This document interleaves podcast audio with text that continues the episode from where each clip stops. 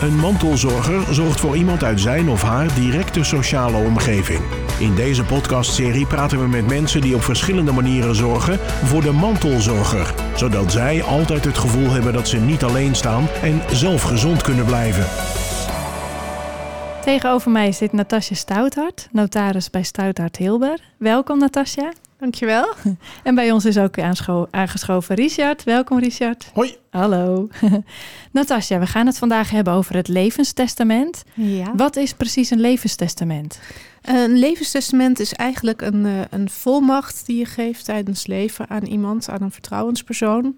Eh, maar je kunt daarin ook hele specifieke wensen opnemen over eh, ja, je, je, je eigen lijf, zeg maar. Ja. Eh, bijvoorbeeld een euthanasieverzoek of een behandelverbod, die kun je daar ook in opnemen. Dus echt hele specifieke wensen en met name bedoeld voor het geval je het zelf niet meer kunt aangeven.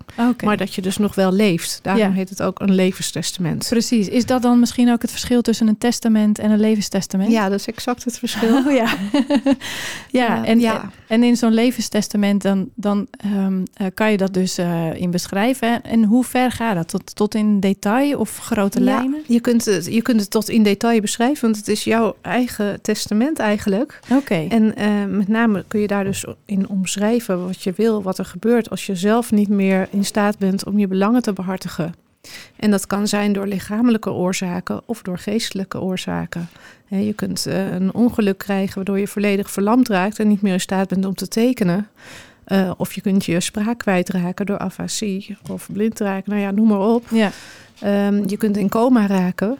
Eh, je kunt ook misschien wel vermist raken als jij eh, in Irak gestationeerd wordt als, hè, door het leger. Ja. En je raakt vermist. Dan zou het wel heel fijn zijn dat het Zuisfront nog steeds jouw zaken kan behartigen. Precies, want daar gaat het eigenlijk Daar om. gaat hè? het met name om, ja.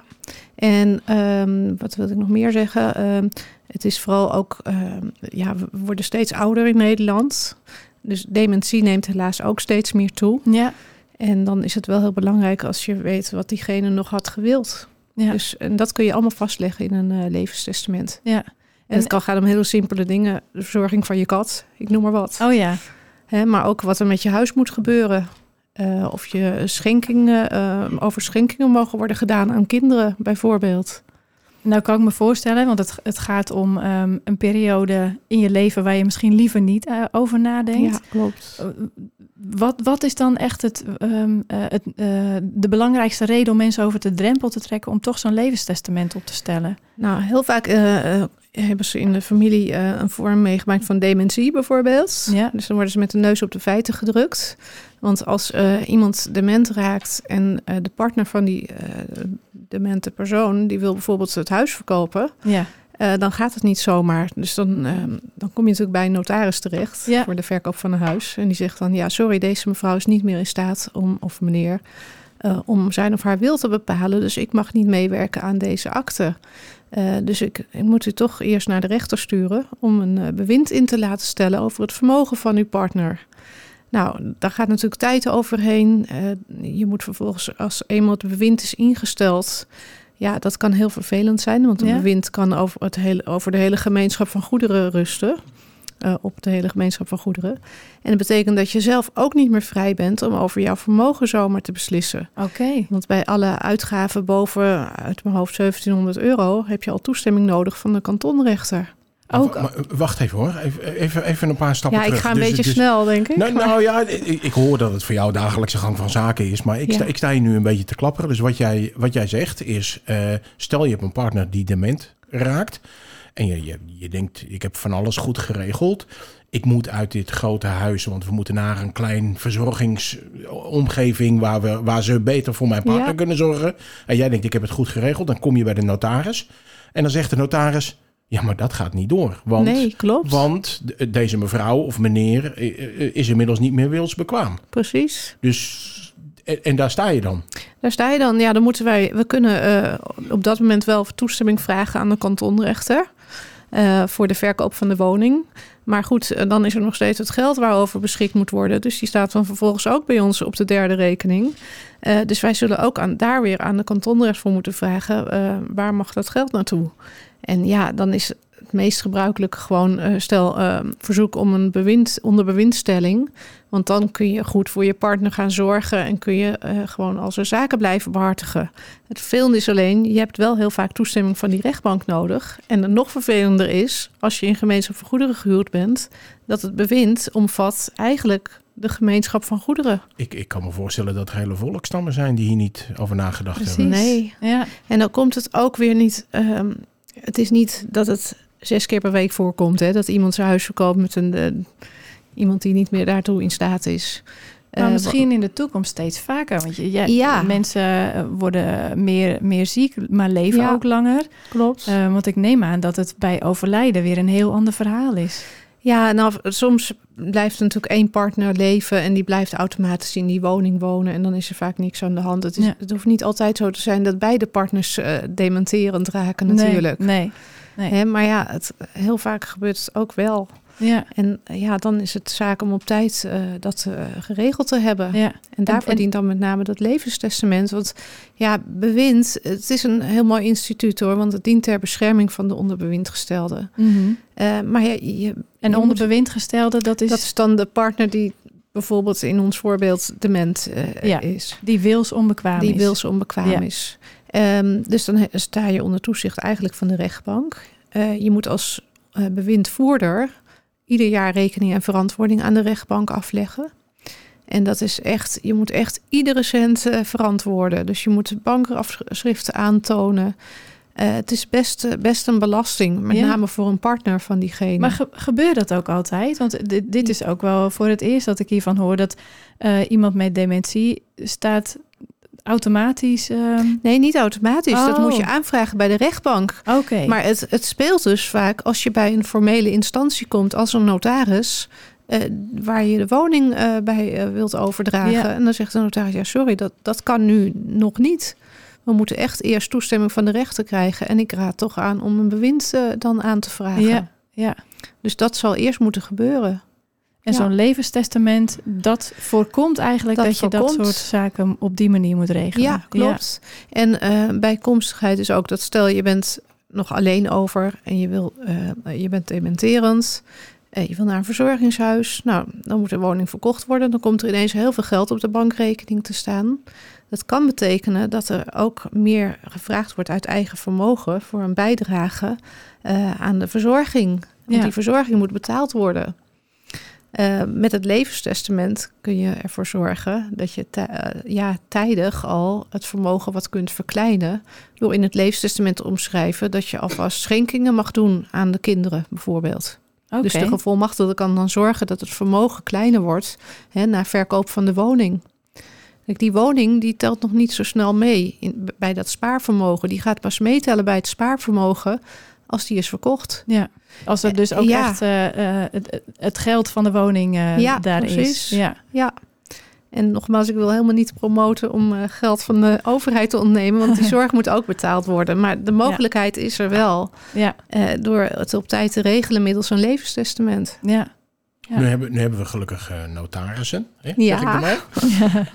Ehm, maar dit, dit- dit, dit zijn toch dingen die bijna inderdaad gewoon niet meer te bevatten zijn eh, eh, richting de dagelijkse gang van zaken waar je mee te maken hebt, zeg maar.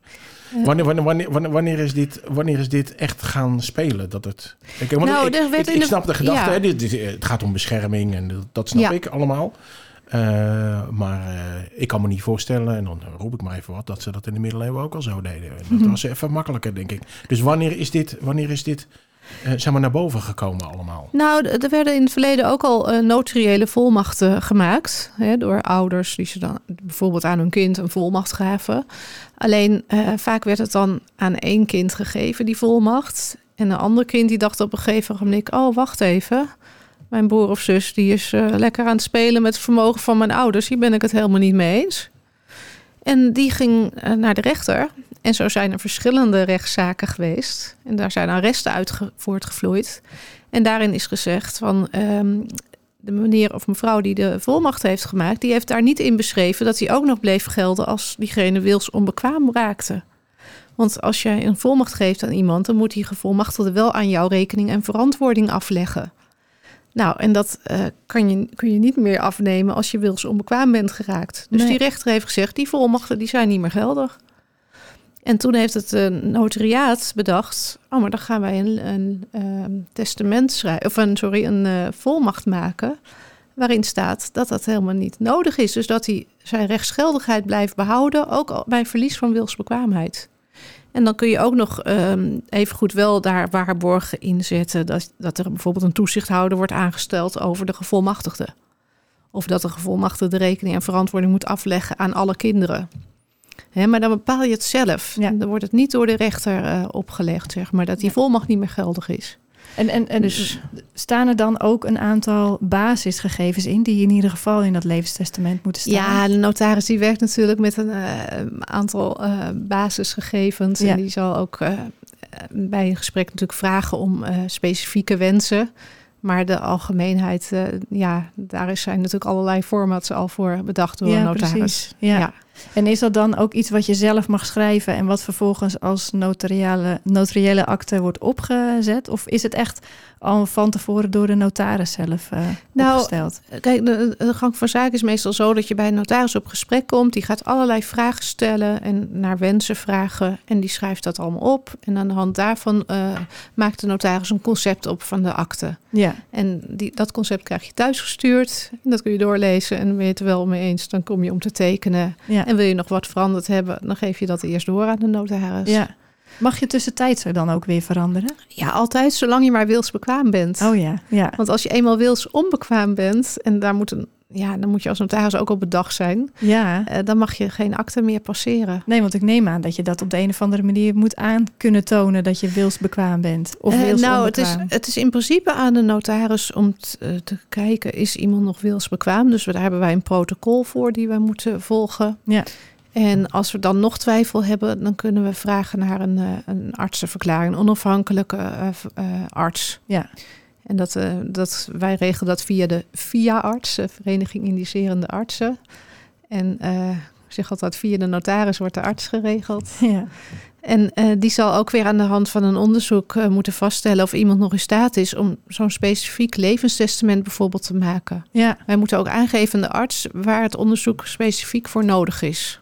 En dan ehm, eh, kan die, weet die arts ook. eh, ja, wat die kan dan onderzoeken? gericht onderzoeken van is deze, eh, eh, is deze eh, persoon nog in staat om over dat specifieke onderdeel te beslissen. Ja. Vanaf wat voor bedrag moet ik rekening mee houden als ik een eh, levenstestament eh, nou wil ja, dat laten verschilt per notaris. Ja, dat, nee, dat snap ik. Dat snap ik maar ongeveer. Ehm, ja, bij ons op kantoor is er voor één persoon is dat ongeveer 360 euro, inclusief alle leesjes en eh, centraal eh, levenstestamentenregister. Ja. De inschrijving daarin. En dan kan ik me voorstellen dat als je hem echt helemaal zelf opstelt en jullie moeten er doorheen, dat het wat duurder wordt.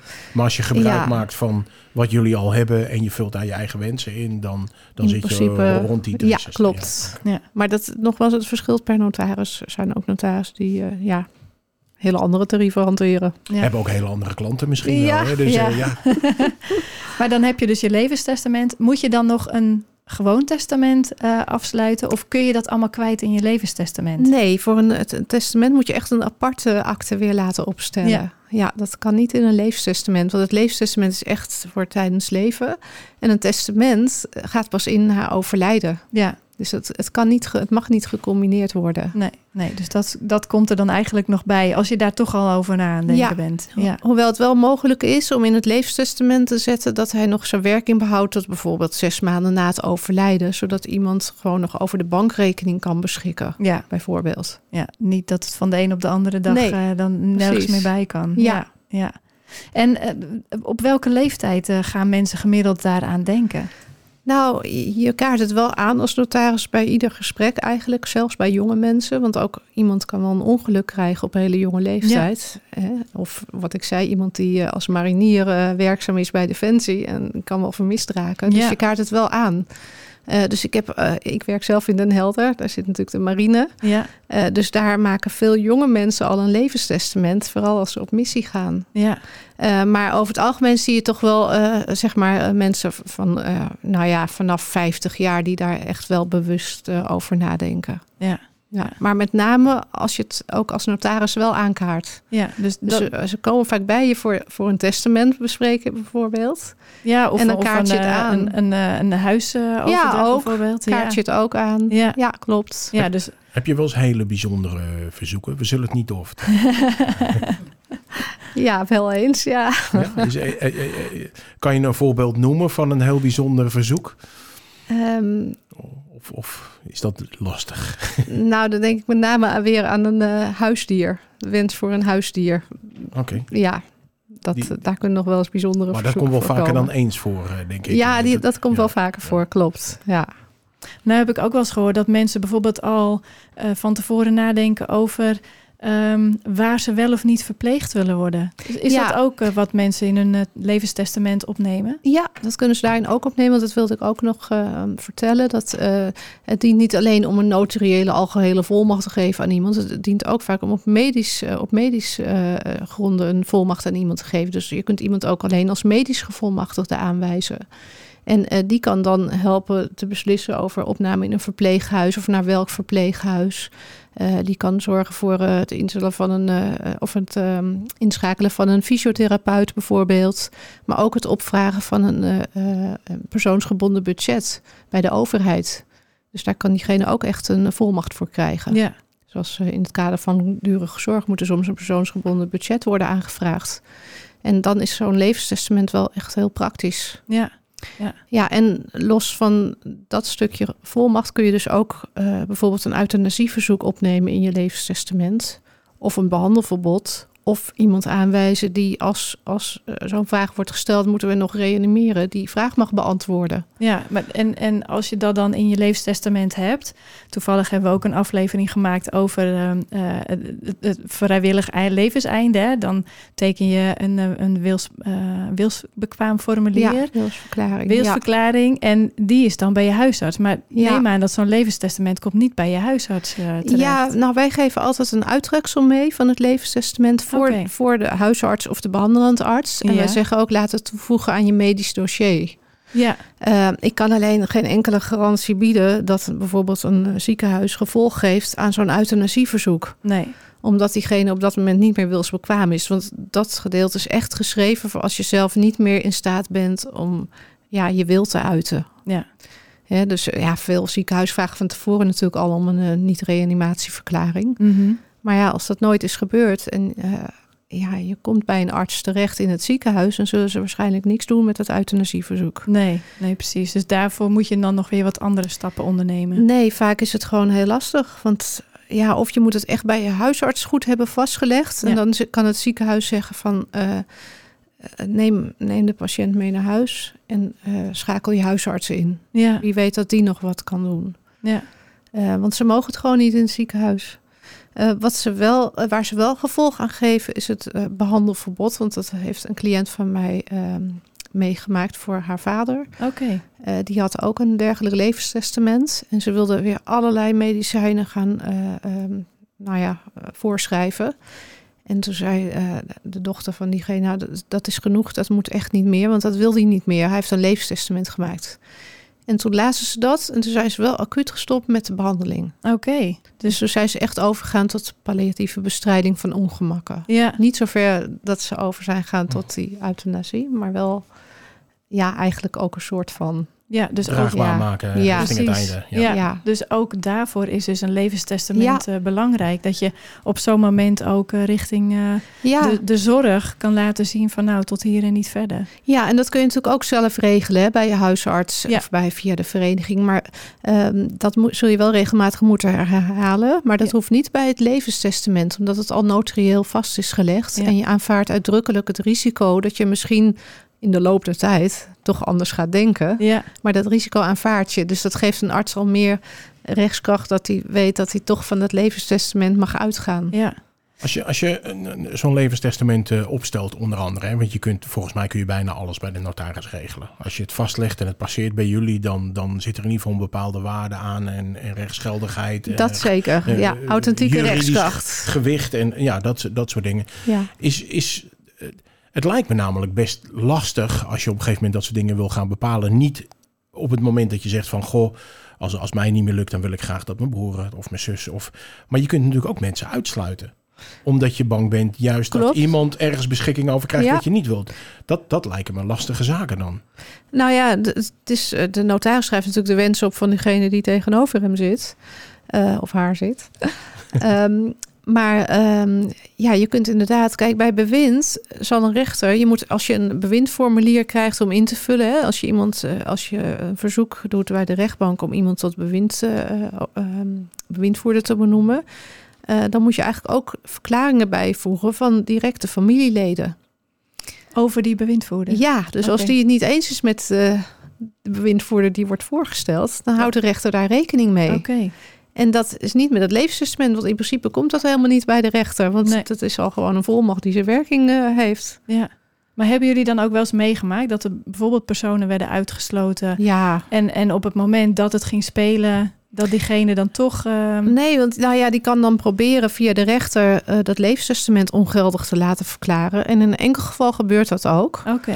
Eh, maar dan moet degene die gevolmachtigde is, wel al misbruik hebben gemaakt van zijn volmacht. Ja, precies. Ja. Hè, dus als hij gewoon netjes zijn werk heeft gedaan en dat kan aantonen, dan zal de rechter niet zo snel dat levenstestament opzij zetten. Want dat was echt de wil van de levenstestateur of testatrice. ja. ja. En, En, en, en is het ook wel eens voorgekomen dat iemand in een stadium van wilsonbekwaamheid raakte en, en zijn hele levenstestament wilde, wilde herzien? Of, of toch wat. eh, nou ja, dat, doen. dat, daar lees je ook arresten over. Dat Ja. toch iemand eh, bleek niet wilsbekwaam te zijn eh, tijdens het maken van een levenstestament. Oh ja, ook, ook zo of nog. testament. Ja, ja. Maar goed, dat moet wel dan aan te tonen zijn. ja. En, en hoe, hoe gaan jullie daar dan mee om? Nou ja, dat, is, dat zie je pas dan als het voor een rechter zou komen. En dan zal er misschien gevraagd worden om eh, de getuigenis van de notaris. Ja, Eh, in principe kunnen wij ons natuurlijk op onze ehm, eh, geheimhoudingsplicht beroepen. ja, Ehm, maar ja, soms dan krijg jij dan een klacht van, die, van degene die het wil aanvragen. En dan Ja. moet je natuurlijk wel aantonen dat je wel eh, hebt onderzocht of diegene eh, nog wilsbekwaam was. ja. Dus als Want, je, want, want jullie hebben eh, processen, daar, of althans jullie hebben procedures daarvoor om te bepalen of mensen... eh, Ja, een protocol Ja, ja, een wilsbekwaamheid. protocol. Ja, wat zijn voor, voor jullie nou indicatoren van... Hmm, Nou, je, moet, je gaat er gewoon heel veel vragen stellen. En als, ehm, kijk, als je vraagt van wat voor dag is het vandaag? Dat hoeft niet iedereen te weten. is gewoon een, een mooie dag. Maar wat, wat ja. Ehm, maar als je bijvoorbeeld vraagt, wil jij een klok tekenen? Daar hebben vaak eh, mensen moeite mee die dementerend zijn. Die, die stoppen dan. Oh. Of als je vraagt, wilt u even uw naam opschrijven en uw geboortedatum, geboorteplaats? Hebben ze vaak ook moeite mee. Ja. En, En- en dan gaan er bij jullie alarmbellen af van... Ja. oh, oké. Ik ben wel eens gebeld door een cliënt. Ja, je moet even naar mijn vader, die wil een levenstestament maken. En ik kwam binnen en ik zag iemand heel erg hangend in een rolstoel. En die keek me echt zo aan. Van wie is dat in godsnaam? Nou ja, dan, dan weet je al, dan... Nee, dan hoef je niet eens meer een gesprek te beginnen eigenlijk. Nee. Wat, wat zeg je dan tegen zo iemand die, dat, die je de opdracht gegeven heeft? Van, eh, Ja, nou, sorry, het gaat echt niet. U moet echt, eh, ik zou u aanraden om een, eh, toch een bewind in te laten stellen over het vermogen van uw vader. Ja, Ja. ja. Oké. Ja, dat Ja. lijkt me ook best lastig. Als je daar dan, vooral als je daar dan in huis bent en, en, en dan, dan tref je zoiets aan. Ja, nou, een, een indicator is juist, of een indicator is juist als iemand niet meer thuis woont. Dus dan word je naar een verpleeghuis gestuurd. Ja. Zit iemand op een gesloten afdeling. nou, dan moet je toch al een beetje. Ja, Ik krijg nu meteen beelden van dwangbuizen Ja. en van die kussens tegen de muur en zo. En van de, ik kom hier voor uw levens. Ja. eh, ja. Maar ik heb ook één keer gehad, er was een mevrouw die ehm, heel oud was. En die zat wel op de gesloten afdeling. Eh, maar die was er ooit binnengekomen met een delier en een hersenbloeding. Alleen die was in de loop der tijd daar helemaal van hersteld. Alleen ze was zo oud dat eh, ze zat zo prettig daar. ja. Ze ja, wilde niet meer weg. ja, Dus eh, toen kwam ik daar en eh, ik had al een code gekregen van, ehm, om binnen te komen. En eh, bij weggaan, toen liep ze helemaal met me mee. En eh, zij deed keurig met haar code die deur voor mij open. ja, ja, ja, ja, ja, ja. Nou, Beetje dan weet je wel genoeg. Ja, Een dus, het- beetje surrealistische ervaringen. Ja. Dat, ja, Ja. ja. Ja, ja. ja, Ja, dus een locatie zegt dan ook niet alles. nee. Nee. Dus je mag niet meteen van uitgaan dat het niet goed is. Want Nee. er zijn ook ja, we weten allemaal, er zijn echt te weinig eh, plekken in verpleeghuizen. Ja. Dus soms komt iemand alleen daardoor al op een gesloten afdeling terecht, omdat ze daar dan toevallig net plek hadden. Ja, En niet in het revalidatie, Ja. eh, ja, op de Ik, ik, krijg, ik revalidatieafdeling. krijg hier ook alleen de code in het weekend hoor. Dus, dat is, ja.